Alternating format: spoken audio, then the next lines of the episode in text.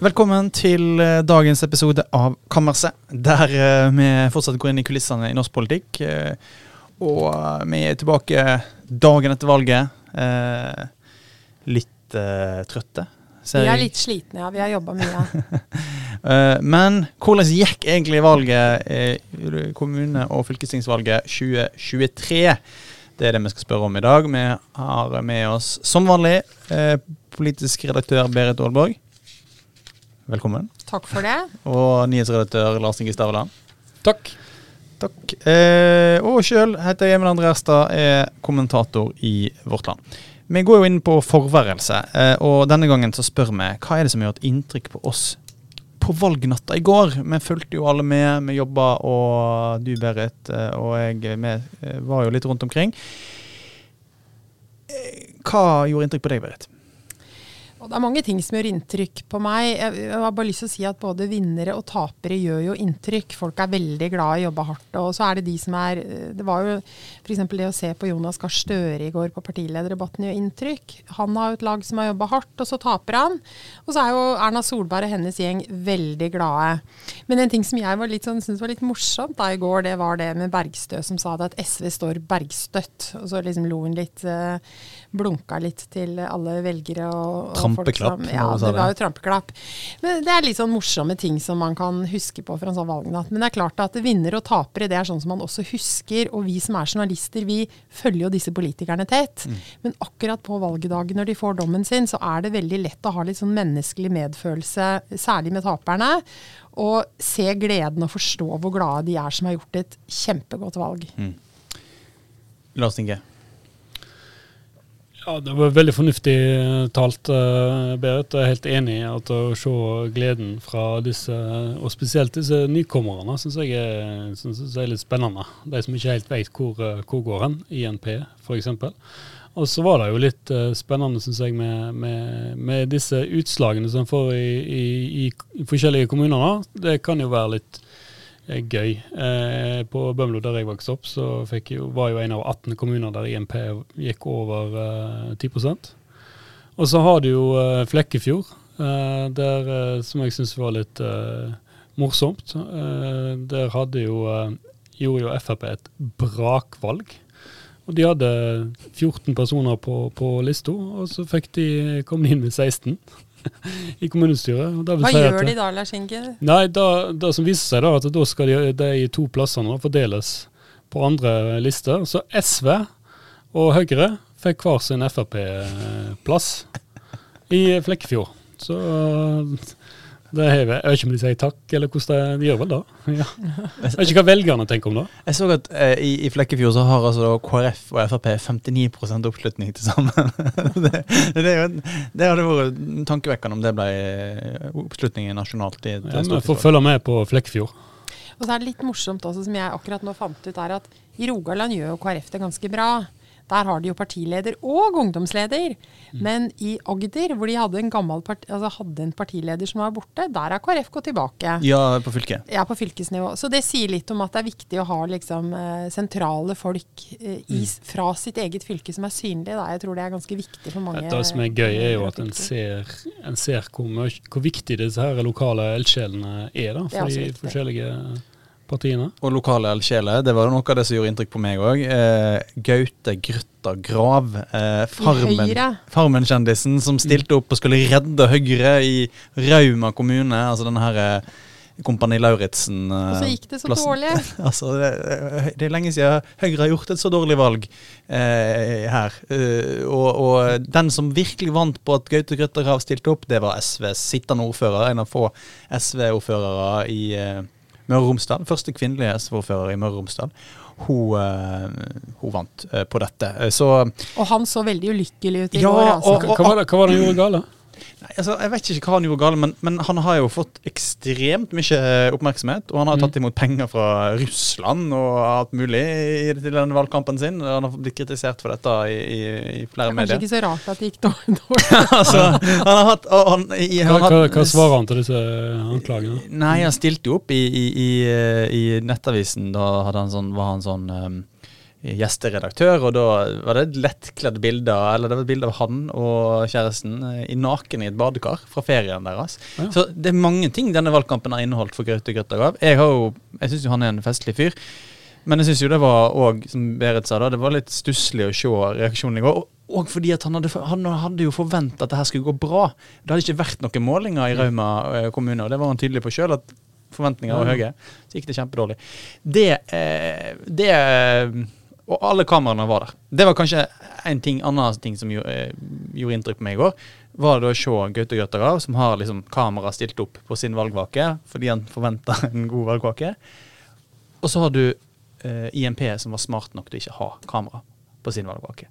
Sikkert fordi de tenkte at eh, her eh, er det en del folk som vi ikke kan stoppe kjeften på.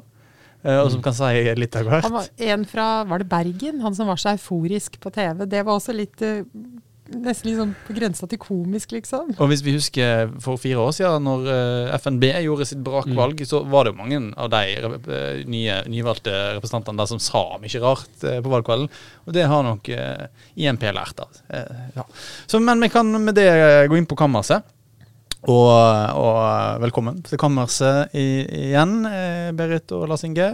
Vi kan jo begynne med deg, Berit. Du, du kom jo med en profeti som eh, du gjerne vil bli målt på i dag. ja.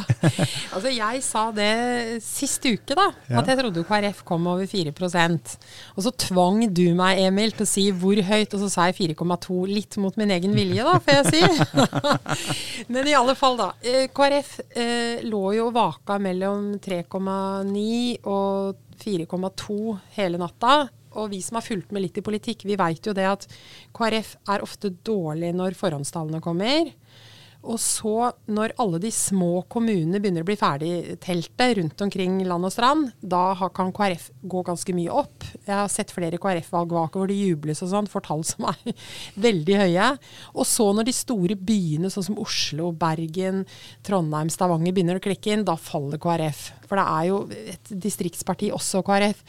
Men eh, de holdt seg på 4 eh, og det, det, det er jo faktisk imponerende av Olaug Bollestad. For dette er jo et parti som har vært i fall over lang tid, og som har strevd kraftig med mange ting. Så jeg syns faktisk det var imponerende. Altså. Men jeg er veldig godt fornøyd med at jeg sa de kom med fire. Altså. Ja, Det var en god spådom, eh, Berit. Og, og det er flere andre som Men tenkte deg da, Emil? Din spådom må vi jo ta en ja, liten men altså, runde på. for, Jeg kan ikke snakke så mye om den, men, eh, Vi Gikk offensivt ut. så skal du ha.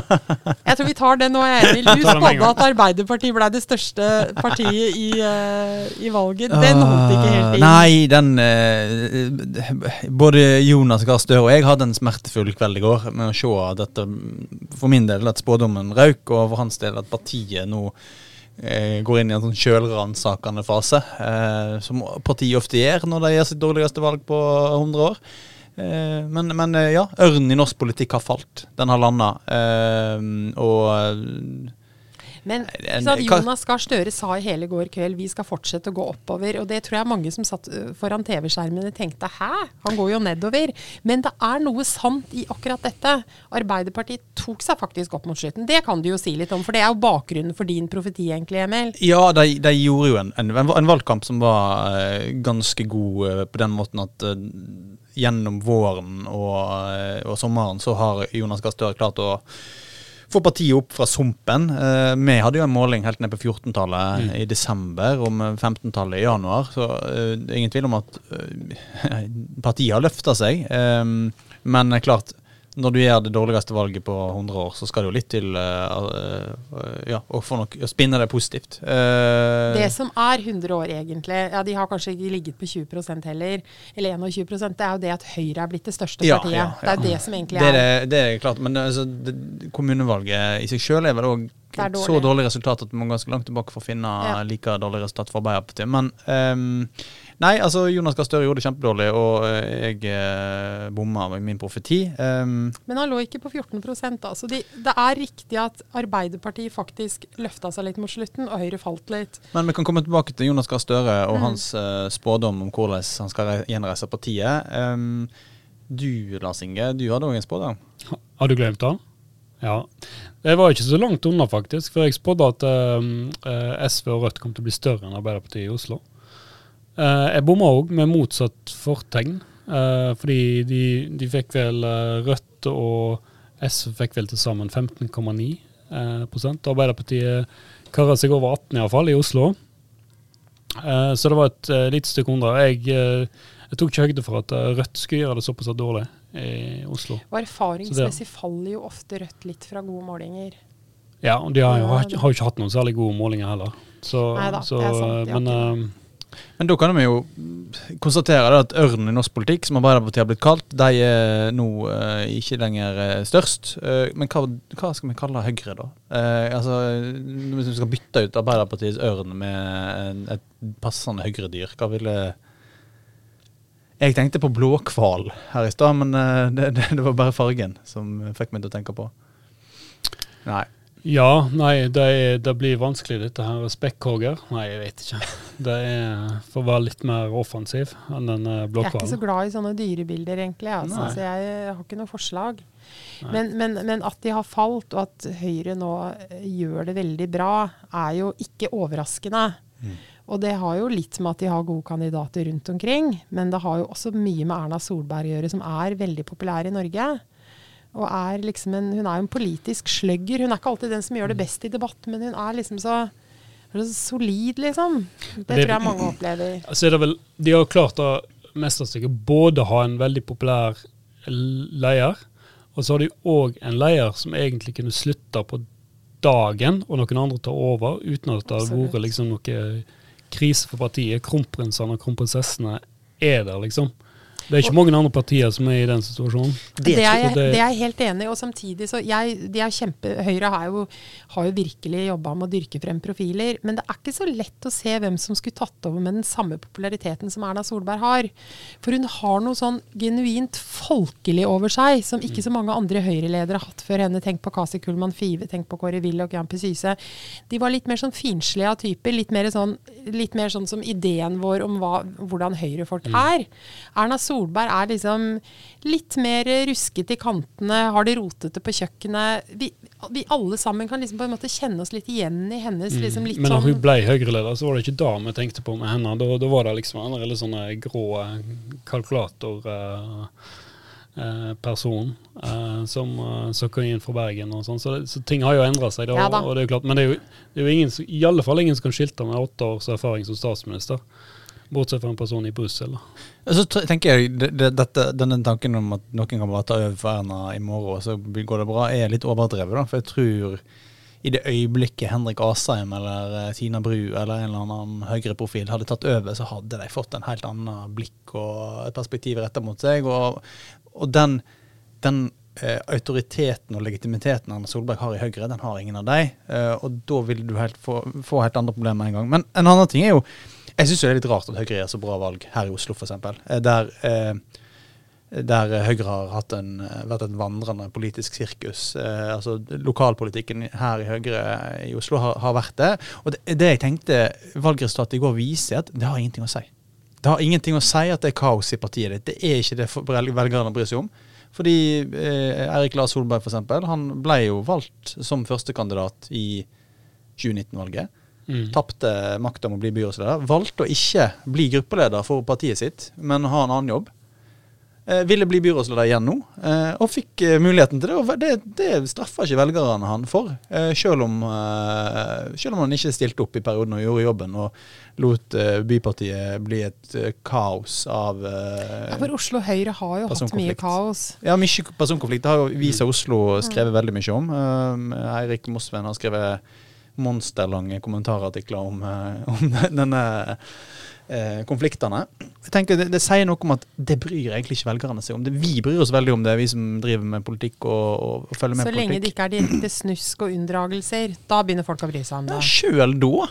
Jeg har jo Det var, det var noe Nei, Arbeiderpartiet ble jo litt str straffa etter Habilitetssaken, Habilitetssakene. Ja, habilitetssaken. Men går en lenger tilbake og bare ser på internt bråk, så det er klart Giske-saken var jo ikke god for Arbeiderpartiet. Nei. Så velgerne husker det nok sannsynligvis. Men jeg vet ikke altså i, Om vi tenker på at i Oslo så har jo så har en hatt et byråd som har sittet i åtte år. Og politikere som styrer byer eller land i Norge i åtte år, de har jo en tendens til å bli skifta ut, da. Ja. Uh, så Men kan ikke vi bare jeg, jeg, jeg tror ikke vi kommer tilbake til Giske senere, så jeg må jo bare si det. For jeg holdt på å si det innledningsvis hva som gjorde inntrykk på meg. For jeg, jeg syns jo det er Når, når Giske sto frem, jeg tror det var i Dagens Næringsliv eh, i går på kvelden, og sa det at nå, dette er ikke bra nok. Og liksom hentyda litt at her burde det skiftes og renses og feies i krokene. Og så er jo en del av sannheten med dette bildet er jo at han har jo skapt så utrolig mye trøbbel for sin egen partiledelse. Så mange vil jo tenke at han også er en del av problemet med kaos og rot i Arbeiderpartiet. Men nå, nå mener han det skal ryddes opp. Så jeg syns også det var en litt sånn ja. Litt mer disiplin i partirekkene, litt mindre soloutspill fra partiets lokaler rundt omkring. Sånne ting kan jo hende at evalueringen til Arbeiderpartiet ender opp med. Eh, Hvem veit. Um, ja, spørsmålet er hvem som skal stå for evalueringa, da. ja. Blir det en motkommisjon, eller blir det en som KrF hadde? Kanskje Giske får en egen Nidaros-kommisjon. Kanskje. Ja. Det kan godt hende. Eh, Og, nei, dette, dette blir veldig spennende. Eh, akkurat nå så ser det ut til at uh, Arbeiderpartiet mister makta i um, Oslo. Eh, det er mer usikkert om hva som skjer i flere andre store byer. De, de beholder makt i Tromsø. Eh, I Kristiansand mister de makta, mens i Trondheim, eh, Bergen og Stavanger eh, I Bergen og Stavanger peker det mot et eh, borgerlig, borgerlig maktskifte. Så er det der som alle andre steder avhengig av at de greier å samarbeide, finne hverandre, lage en felles, om ikke plattform, så i hvert fall en enighet. Og fintelling, som Og det viser seg i. Bergen. At uh, nå kan det hende at eh, Venstre, var det ikke du sa i stad, Emil, at Venstre lå 30 ja, Bergens Tidende stemmer uh, unna? meldte at, Berg, at Venstre trenger bare noen uh, få titalls stemmer. Og i så fall så vil det være med på å vippe flertall.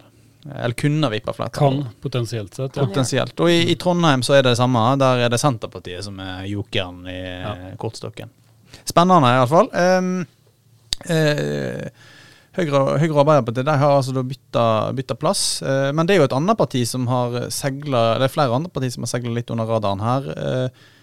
Eh, det er jo mange som har sagt at Eller gitt Senterpartiet og Trygve Slagsvold Vedum dommedagsprofetier fordi at eh, de gikk så mye ned ved valget nå, sammenlignet med sist. Men jeg syns jo eh, en av de som virkelig kunne smile i går, eh, hvis en ser i, et historisk perspektiv, må jo være Trygve Slagsvold Vedum. Han gjør et valg på 8,2 nasjonalt, eh, beholder mye lokalmakt. Mister det er en del ordførere i Senterpartiet som finner sin ny jobb eh, neste ukene. Men så hvis dere har rekrutteringsbyrå og er ute etter tidligere ordførere, så ville jeg ringt Senterpartiets landskontor eh, fort som råd. Men eh, 8,2 det er ganske historisk sterkt valgresultat for Senterpartiet. Det er et sterkt valgresultat for, for Senterpartiet, og så pleier jo de alltid å være bedre i eh, kommune- eh, og fylkestingsvalg enn de ofte er sentralt. Men det er klart at av og til så kan jo Jeg har sjøl jobba i Nasjonen og jobba liksom for noen år siden, eh, så jeg ble liksom kjent med Senterpartiet. Og det er klart at de blir jo Kanskje særlig av Oslo-pressen. Jeg, jeg liker ikke denne liksom, tabloidiseringa at Oslo-pressen sitter i en boble, men vi er ganske langt unna en del av de Senterpartipolitikerne. Og jeg syns mange journalister i Oslo er ganske langt fra å forstå Senterpartiet. Eh, Sånn at eh, jeg tenker vel at eh, Senterpartiet ofte får en ganske sånn hard medfart da, i, i eh, sentrale medier. Og det ser du bare på poenggivninga de gangene Trygve Slagsvold Vedum faktisk gjør det godt. Så er det liksom, han kan aldri han, Det er liksom, de blir vurdert det er lettere å vurdere liksom Høyre og Arbeiderpartiet, som også er store bypartier, kanskje litt mer rettferdig enn Senterpartiet. Senterpartiets glasstak i partilederdebattene. Det det Ja, ja, det er det vi snakker om. Men, eh, men det er klart det at det, det var jo ikke noe god kveld for, for uh, Slagsvold Vedum. fordi at han har jo, de har lukta på 20-tallet, liksom, på målinger i perioder. Og så blei det jo ikke så bra for, forrige valg. Og så kjørte de jo en ganske risikabel valgkamp før forrige valg, hvor de lovte egentlig veldig mye. Ehm, og det er jo det hvis du ser på de, der, de som vi ofte kaller for styringspartier, Høyre og Arbeiderpartiet, så er de jo veldig forsiktige med hva de lover. De plukker veldig sånn nøye ut hva de skal kjøre på. Og så har de allerede begynt å tenke på hvordan de kan legge dette inn i budsjettene. Mens, eh, mens Trygve Slagsvold Vedum lovte jo liksom billigere bensinpriser, jeg vet ikke hva. Det var mange løfter der som var helt umulig å rett og slett uh, få gjennomslag for. Og så i tillegg fikk du hele denne kraftkrisa som kom på toppen. Jeg tror eh, Dette vet jeg jo ikke så ingenting om, men jeg tror Trygve Slagsvold Vedum i går fikk et råd om å ikke være letta og ikke smile for mye. og ikke, le. Jeg tror han egentlig tenkte at dette var ganske bra, Mhm. men det er klart, han må jo være skuffa. Eh, det er klart han må. Det tror jeg, det tror jeg Jonas Gahr Støre bomma litt når han sa at eh, tross alt, vi har jo gått oppover eh, fra målingene. Men for folk der ute, de fester seg ikke ved disse målingene. Det er liksom de lange linjene. Mm. Eh, og det er tap av makt som er, som er viktig. Og tap av makt hadde jo Senterpartiet òg, da. Så sånn sett, så. Jeg merker meg òg med det at, at hvor påfallende uh, skuffa uh, Ja. Vedum var, uh, når han egentlig sikkert var ganske Jeg tror han sov ganske godt. Ja, dette var, Ja, for han kunne bra. endt opp mye verre ut fra noen av målingene vi har sett. Ja, Ja, ja. helt ned på, måling helt ned på 5-6-tallet. Og, Mm. og et 8,2 eh, det er fjerde størst. Det er, det er et av de maktpartiene som en kan regne med der ute i kommunepolitikken nå. Og de har en god posisjon for å forhandle. Og én ting er Senterpartiet veldig flink til. De har godt skolerte folk når det gjelder å forhandle til seg eh, makt. Og eh, de er så lette å forhandle med på én måte, for det er et parti som du kan putte inn pengersteder for å få det til å gå opp i ligninga. For det er jo et næringsparti. Hvor ble det av senterpartisten Jan Bøhler? Han har vi ikke hørt mye til. Eh, Jeg har hørt rykter om at han har gitt ut en ny musikkvideo, men det er vel det? Jeg tror han gir ut CD-er. CD er Ja. Kanskje, jeg kanskje vi får invitere han hit. Ja, Eh, det- men det, dette er jo i hvert fall uh, Det er ganske interessant, uh, denne sammenligningen. Hva sammenligner vi med? Eh, som, som Senterpartiet her, de blir eh, nå av en del eh, eh, i Oslo-pressen, hvis vi skal si det sånn, sammenligna med de gode målingene på 20% valgresultatet i 2019. Men er det rettferdig mot Senterpartiet å sammenligne dem mot dette, eller er det, er det riktigere å sammenligne parti mot det de eh, tradisjonelt har ligget på? Og det samme gjelder jo eh, Høyre. sant? Høyre lå jo og fløy jo høyt før sommeren. Mange målinger helt oppe på, langt opp på 30-tallet. Og så gir de et eh, valg på 25,9.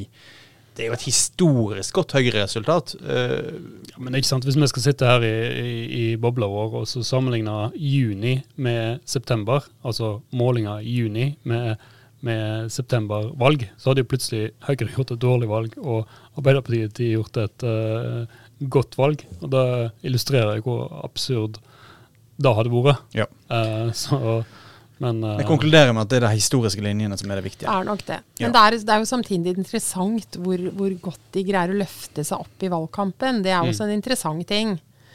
Men, men jeg er enig med det der. Vi må jo egentlig måle de på forrige valg. Mm.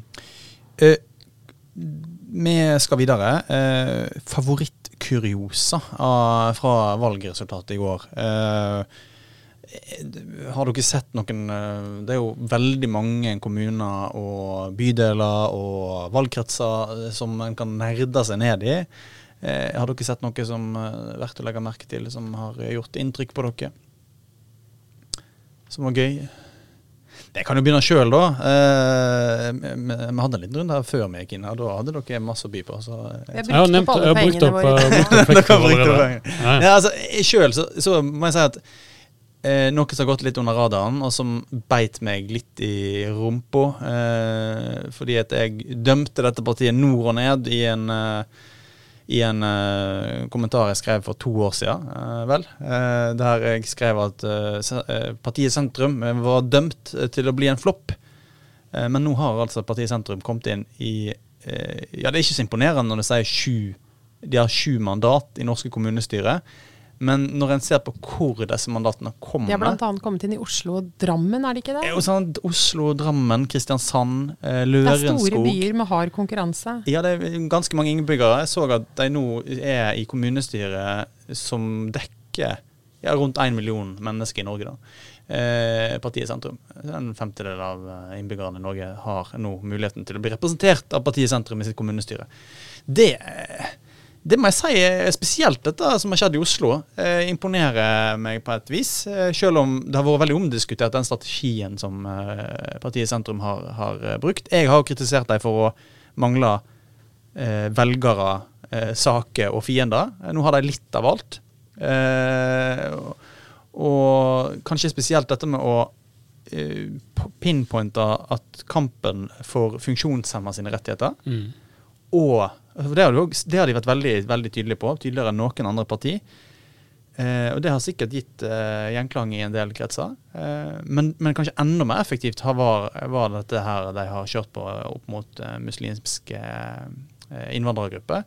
Der, eh, der, de har som eneste parti tatt til orde for at koranbrenning bør være forbudt, eller det er forbudt ifølge hatkriminalitetsparagrafene. Eh, og, og, det har jo fått kritikk. Eh, Shaza Mashid i VG, kommentator der, hun har jo ment at dette er eh, å spille litt sånn rulett med, med eh, muslimske miljø, og, og, liksom at det kan tenne, tenne en konflikt om koranbrenning, som de spiller på ganske kynisk. Eh, men det har jo fungert. For hvis vi ser på eh, bakgrunnstallene nå, eller dukker ned i valgkretser, så har jo f.eks. på Stovner videregående skole her i, i Groruddalen, så hadde, var partiet Sentrum det tredje største partiet bak og Arbeiderpartiet. Og Søndre Nordstrand har de også gjort det veldig bra. Mm. Søndre Nordstrand, Alna, eh, Fjell bydel i Drammen. Og nå ser det ut at partiet Sentrum kanskje kan være med på å spille vippe, vipperolle. Men vi hadde også, før vi kom ned her, så hadde vi en interessant diskusjon på vår avdeling i Vårt Land, Emil. Hvor det var en som sa det at noe av det som er veldig interessant, er jo det at veldig mange norske partier vil lage en politikk der vil integrere innvandrere, hvor det, hvor det handler om innvandrere, men, eller folk med innvandrerbakgrunn, men ikke henvender seg til dem. Og det, er, det syns jeg var et interessant perspektiv. Mm. Ja, og der har jo på en måte partiet Sentrum helt skamløst fridd til innvandrergruppene og sagt at vi, vi skal representere dere. Vi er Eh, et uh, mangfoldsparti, og vi skal uh, inn, og, inn, og, gjøre dette. Og, og, De kan jo gjøre det på en helt annen måte enn SV eller Arbeiderpartiet eller noen av de etablerte partiene kan gjøre. Så Sånn sett så kan det jo hende at partiet Sentrum her har funnet seg en liten nisje som kan gi dem uh, et vekstpotensial. Og så vil jeg si Når du sier at de frir skamløst, de fleste partier frir skamløst i velgerne på ulike vis. Så det er jo noe man holder på med. Jeg, jeg, jeg, jeg, tenker på Sentrum også. Er det partiet hadde jo et behov for å ha en sak som folk skulle liksom identifisere med partiet. Uh, og det er jo klart at uh, hvis uh, 95% av befolkningen er rykende uenig i det, så er det 5 som støtter det. Mm. I det standpunktet. Og sånn er jo politikken. Hvor lenge altså- det varer, det er jo mer, mer usikker på. I går var det altså Men at det var en effekt i går, tror jeg nok. 0,4% som støtter partiet Sentrum. Men, ja, ja. men, men, i enkelte kretser, ikke sant? 0,4 uh, for partiet Sentrum i går. Uh, vi må ikke se oss blind på det tallet. for jeg tror når du ser da, den støtten det har f.eks. på Grorud eller på Søndre Nordstrand eller på, ja, Og da kan vi, vi må bare si til de som bor utafor Oslo at dette er områder med veldig mye innvandrerungdom. Mm. Men du, jeg har en ting, fordi du spurte meg om rariteter og kuriositeter. Jeg, jeg tror ikke jeg har det. Men jeg har en ting som jeg syns var veldig sånn rørende i går. Og det var å se liksom uh, For eksempel Altså det er å se disse politikerne takke hverandre av. Og vi har faktisk en leder som noen i dette rommet har skrevet, som er til i morgen. Hvor vi, hvor vi, sier at det er, det er en veldig sånn fin skikk i Norge at man takker hverandre for innsatsen når man vinner. Mm. Og de som taper, de gratulerer de politiske motstanderne og takker for en fair kamp. Og det eh, vil jeg bare si at jeg syns er noe veldig flott med det norske demokratiet. Fordi at det er ikke selvsagt, og det ser vi jo fra USA og andre land der hvor det er så polarisert og det, det politiske klimaet helt eh, sånn De snakker ikke med hverandre og bare eh, sier stygge ting om hverandre og konspirasjonsteorier og sånn. Mens i Norge så har vi fortsatt det. Det mm. syns jeg er verdt å nevne, og det syns jeg er verdt å ta vare på. Mm. Berit, du har jo òg skrevet en kommentar om, uh, om KrF og, og KrFs eh, oppslutning her uh, i valget. De fikk 4 som du var inne på her i stad med din profeti. altså, du fokuserer i den kom kommentaren på hva som er grunnene til at KrF nå Mm. Det er nok flere grunner, men jeg har særlig lagt vekt på én, fordi den har vært ikke så veldig mye framme. Og det er det at um, vi har jo i vårt land så har vi hatt på nyhetsplass saker for kanskje halvannet til to år siden om at KrF mista taket på de kvinnelige velgerne. Og KrF har jo alltid vært et kvinneparti. og da når jeg leste den saken på nytt, så var det ganske interessant hva Bernt Årdal sa. For han sa det at det er et sånn um, det er en del av KrFs identitet, dette kristent organisasjonsliv og velferdsordninger og omsorg. Det er, slags sånn, det er liksom hjertet til KrF. Og og de, når de mista velgerne for noen år siden, så var det rett etter at de hadde begynt å samarbeide med Fremskrittspartiet. Og vi vet av den store medborgerundersøkelsen som er gjort av Universitetet i Bergen og Rokkansenteret, at veldig mange, og særlig kvinnene i KrF, var veldig kritisk til Frp. Og det går på bistandspolitikk, velferd, mange av de tingene. Og når de sa ja til å sitte i regjering med Frp, så, så, var det nok en del kvinner som forlot partiet. Og vi ser det også konkret på valg og målinger, at det blei etter hvert plutselig et mannsparti. Altså, det betydde ikke at det blei flere menn, men det betydde at de som skalla av, var kvinner. Mm. Det som jeg syns er interessant å se i år, nå har ikke KrF løfta seg sånn voldsomt, men de har snudd skuta og kommet opp igjen på 4% som er veldig viktig hvis de skal vinne, komme inn på Stortinget med utjevningsmandater neste år så, så, um, så, må de rett og slett ha disse kvinnevelgerne. Mm. Og det at nå en del kvinner kommer tilbake, som vi ser på en måling i NRK, at KrF er ikke lenger et mannsparti, men kvinnene har begynt å komme tilbake, det syns jeg er interessant, et interessant trekk. Og jeg tror også at det har noe med kanskje Bollestad å gjøre, at hun appellerer mer til de damene. Og så tror jeg en del f.eks. det abortutspillet til Ropstad den gangen, den ga KrF et, litt sånn hardere preg. Litt mer hva skal vi si, konfronterende abortsyn, som nok også fikk en del kvinner til å, å forlate partiet. Og Bollestad har vært eh, litt mer forsonlig der og sagt at vi ønsker uke tolv, men vi vil ikke utvide Eller hun sier ikke at vi ønsker uke tolv, men vi aksepterer uke tolv, men vil ikke utvide. At det er det som er den viktigste kampen. Og det tror jeg nok faller i ganske god jord hos en del voksne kvinner som stemmer KrF. I hvert fall i en god del deler av landet. Så jeg syns det er spennende, og jeg er veldig spent på hva Bollestad skal greie å få til. Og hun er jo faktisk ganske flink å bygge lag. Hun har fått frem en del unge folk som hun gir plass. Og hun er ikke en sånn politiker som bare vil skinne sjøl. Hun er jo en ganske vanlig dame, liksom. Og det var jo morsomt å se henne på valgvaken i går, hvor de sto der med armene i været og, og liksom eh, heia hverandre frem. Og så eh, er det slutt på det, og så sier hun 'Å, nå er jeg sliten'. Og så går hun av scenen. Og alle hele salen lo jo, for de er blitt vant til hennes litt sånn, litt sånn folkelige stil, da. Mm, mm. Det er liksom noe sånn Jeg tror mange i KrF faktisk har blitt ganske glad i henne. Mm. Og det fins en del andre rundt om i landet som er det. Så jeg tror det er noe der å bygge videre på. da. Og Du kom jo tilbake fra valgvaken uh, og sa at uh, du opplevde en litt sånn optimisme som, du, som er lenge siden en har sett på en valgvake i KrF. Og, Nervøst, men optimistisk. Ja, sant? Og, og den eh, altså Nå var dette valget 4 det var òg 4% i eh, 2019 ja, for KrF. Men de har ligget nede på 3,8 i mellomtida. Ja, sant. De hadde valget i stortingsvalget på 3,8, og, og det har vært dårlige målinger. og det gjør, altså, Selv om det er det samme som i 2019, så er det jo, er det jo en, en, liten snuoperasjon som har skjedd her. Uh, og jeg syns jo det, det, som kanskje er mest interessant med denne snuoperasjonen, er jo at de har klart å uh, profilere seg på noen politiske saker som treffer noen For nerver. F.eks. mobilforbud og ja, sånne ting. Uh, skjerm i skolen. KrFU har vært veldig opptatt av kjernekraft og av i, altså I skolevalgkampen til KrFU handler det om kjernekraft og hvor tid du skulle begynne på skolen. Og det er veldig sånn, det er breie politiske saker eh, som eh, åpenbart var med på det, og løfta KrFU over f.eks. Rød Ungdom i skolevalget. Så det er jo det er interessant eh, å merke seg. Og for eh, oss så har de jo, så har de jo uh, en god del veldig gode kandidater da, der ja. rundt omkring. Uh, som, uh, som, har gjort det bra. Vi har jo skrevet om om Lund kommune, som får en kvinnelig ordfører. Jeg husker ikke navnet hennes, men det er jo ja, kvinnelig ordfører har jo ikke KrF hatt de siste fire årene, så ja. Nei, og, og, en annen ting eh, som eh, jeg tenkte på her med, med, KrF, er jo liksom den budskapsdisiplinen som Olaug Bollestad har klart å altså, alle som, husker, alle som har jobba i KrF, alle som har vært en del av KrF, vet jo at å, å være i valgkamp uh, for KrF kan være en liten uh, et lite mareritt, fordi det dukker opp en eller annen uh, lokal helt som sier noe eh, rett fra levra, eh, som gjerne er ganske langt unna KrFs eh, partiprogram.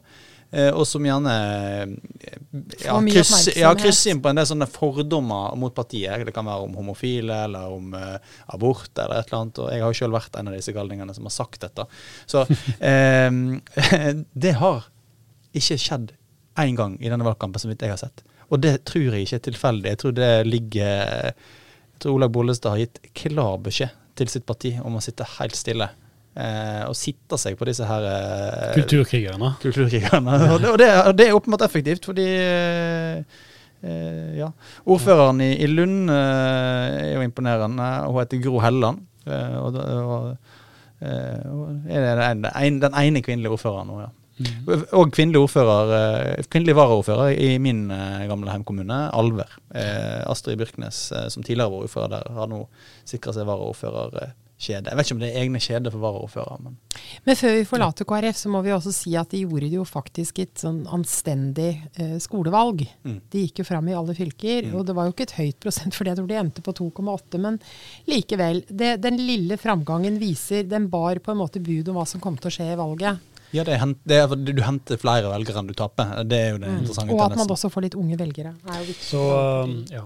Nå har vi ikke snakka om, uh, om uh, Frp, som gjorde et knakkende knakende godt valg. Eh, forholdet mellom Frp og KrF kan jo bli litt artig i de ulike byene der de kanskje vil få makt sammen. Og det- Eh, det- det er interessant. altså Selv om det er en ensom svale i, i Oslo, eh, så, så, så er det jo eh, Mens KrF er en som er svarlig i Oslo. ja, de har én representant. Ja, ja, Øyvind Håbrekke. Eh, ja, Øyvind Håbrekke. Eh, men uh, har jo mye mer til felles med Venstre eh, og MDG enn med Frp, f.eks. Sånne ting gleder jeg meg litt uh, framover. Det blir spennende å se om Frp blir med, om de greier å få med MDG istedenfor. Det kan jo bli enten en liksom blå-blå byråd, eller det kan bli et litt mer sånn blågrønt. Så det er jo spennende å se. altså. Ja. Og øh, det bringer oss over på uh, siste post, nemlig ukas profeti, eller dagens profeti. Uh, og jeg har en uh, spennende profeti å by på, hvis dere vil Start høre. på den, ja, du, jeg bare kjører den ut, jeg. Det blir ikke bygd bybane til Åsane. Det er min profeti. Eh, etter valget Altså Åsane, bydel i Bergen. eh, bybane har vært det store lokalpolitiske stridstema i bergenspolitikken i mange år. Det ble egentlig løst. Det ble vedtatt. Men nå, eh, altså rett etter at valglokalene var stengt i går, så åpna eh, Kristine Meyer, som da sannsynligvis blir ny byrådsleder i Bergen, eh, for eh, å forhandle om bybane over Bryggen, som Høyre tidligere i valgkampen hadde, vært åpen- hadde landa på at de ville ha. Skal den, eh, skal den profetien ha en sånn best før-dato, eller? Fordi Ja, altså, jeg- jeg, en eller annen gang så Jeg tror ikke det blir bygd bybane til Åsane De neste fire de årene? neste ti årene. neste ti, eller tatt et vedtak Dette er så langt frem i tid Ja. at vi ikke vil greie Ja, å nei, måle nei, nei, dere kan måle meg på det.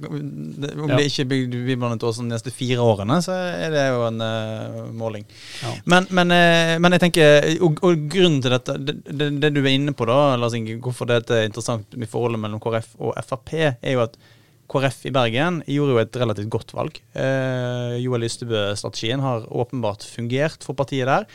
Og fikk inn ekstra, et ekstra mandat fra sist. Eh, så Det betyr at eh, både Joel Ystebø og de to andre kandidatene eh, til KrF på topp tre har kommet inn. De har òg vært et sånn bybaneparti. Og spesielt under de tidligere KrF-gruppelederne har det vært viktig for partiet å sikre bybanen over Bryggen. Philip Rygg, som var partiets profil der i mange år, eh, gjorde jo dette til sin store sak, som gjorde at han, han gikk av på denne saken, gikk ut av byrådet og, og, og var helt, helt opptatt av dette. Joel Ystebø virker ikke til å være like dogmatisk i bybanespørsmålet, og sier nå at han er villig til å være konstruktiv og forhandle. Og Det er noe av det som gjør at jeg tror at det ikke blir bybane over Bryggen. Mm. Eh, så det er symbiosen Frp og KrF rundt omkring i, i Norge. Den kan se litt ulik ut. I Bergen så tror jeg den kommer til å ende med eh, at de finner sammen, og at KrF får andre gjennomslag enn en Bybanen. Eh, har dere noen spådommer før vi mm, kaster inn eh, Ja, jeg kan jo komme med den ene som, eh, som jeg har. Og det er rett og slett at altså, vi veit jo i Arbeiderpartiet så kommer det til å bli en diskusjon om mannskap på toppen av det som ikke lenger er Norges største parti, men Norges nest største parti. Og, og det er jo enkelte som har vært ute og sagt at Jonas Gahr Støre vil trekke seg og sånne ting. Og det vi, vi kan ikke se per nå hvem som skulle overtatt, i hvert fall akkurat nå. Eh, jobben som leder i Arbeiderpartiet, det er en tung og krevende jobb. Men jeg tror det er ett verv til der som kommer til å komme i spill. Og det tror jeg kommer til å skje, og det er partisekretær Kjersti Stenseng. Der tror jeg det kommer til å komme en ny diskusjon, og det var jo en diskusjon rundt henne. Og hun har jo, eh, hun har jo vært den som har leda valgkampen i Norge for Arbeiderpartiet. Så jeg tror det kan bli en, en runde på hennes posisjon også, eller alternativt istedenfor, det vet jeg ikke. Det blir spennende å se. Jeg tenker jo at valgkampen til Arbeiderpartiet var kanskje ikke det verste for Arbeiderpartiet, men at det politiske prosjektet og måten de framstår i liksom eh, ja, i det, i det, politiske landskapet. Eh, hva rolle de tar. Eh, at det er større problem. At valgkampen isolert sett var ganske effektiv eh, i form av å redde stumpene at i så fall så kan uh, Kjersti Stenseng redde seg inn på det. Det var veldig mye kritikk mot henne mm. tidligere i vår. Men uh, ja, at det er ikke der, der slaget står, om valgkampen, men at det rammer Nei, altså det er klart at de skjøt seg i foten med, med Melkøya. ikke sant? Nå hadde kritikken mot, låge, mot høye strømpriser hadde jo på en måte gitt seg. Mm. og, så, og så kunne de ikke vente de ukene som skulle til for å unngå å på en måte remobilisere den Men den beslutningen var det jo Jonas Gahr Støre som sto for. Ja, nei, ja, ikke sant? Jeg tror han også tenkte det var riktig. Mm. Og jeg tror han også tenkte kanskje undervurderte all motstand mot det. Begge de to tingene. Ja, eller tenkte òg den derre som en òg kan ha litt sans for den herre Ja, men det er riktig, vi står i det. Eh, og det er det, det mange litt, velgere. Det er, litt sånn, det er litt sånn hans modus, på en måte. Ja, det var mange mm. velgere som stemte Arbeiderpartiet under Jens Stoltenberg av den grunn, at det var en politiker som sto i den. Men er det, er det segmentet Det har kanskje gått litt til høyre i det politiske landskapet? Det kan hende. Eh, ja, Det er jo kjempeinteressant. Og så spørs det om du må, du må, vite hva du står i, på en måte. Mm. Uh, og da føler jeg liksom at Støre ikke helt Skal jeg komme med profeti òg? Ja, oi, ja. profetibonanza. Uh, Nei, jeg tror bare Frp blir sittende på gangen i Oslo. Det kommer det til å bli masse De kommer til å sitte på gangen. De kommer til å bli uh, Ja.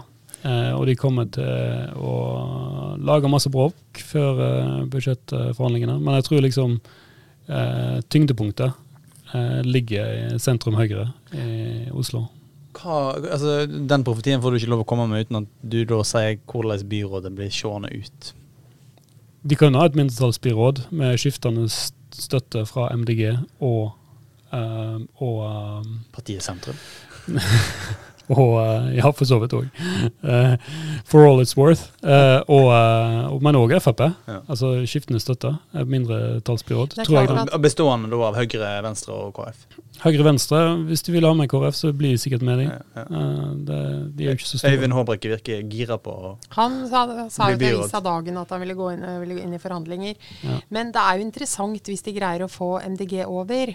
Og det er klart at um, MDG har jo hele tiden sagt at de er blokkuavhengige. Og nå får de jo da en mulighet til å vise om de er det, da. Mm. Så det kan jo bli interessant. Spørs hvor viktig det er for Venstre. Ja. Uten tvil. Eh, vi er iallfall med veis ende i dag. Og dere som lytter, dere kan sende oss eh, innspill eh, til alfakrøll... Nei, til e-postadressa kammerset, alfakrøllvl.no. Og takk for at dere lytter. Send oss gjerne ris, ros eller tips. Og vi er tilbake med en ny episode neste uke.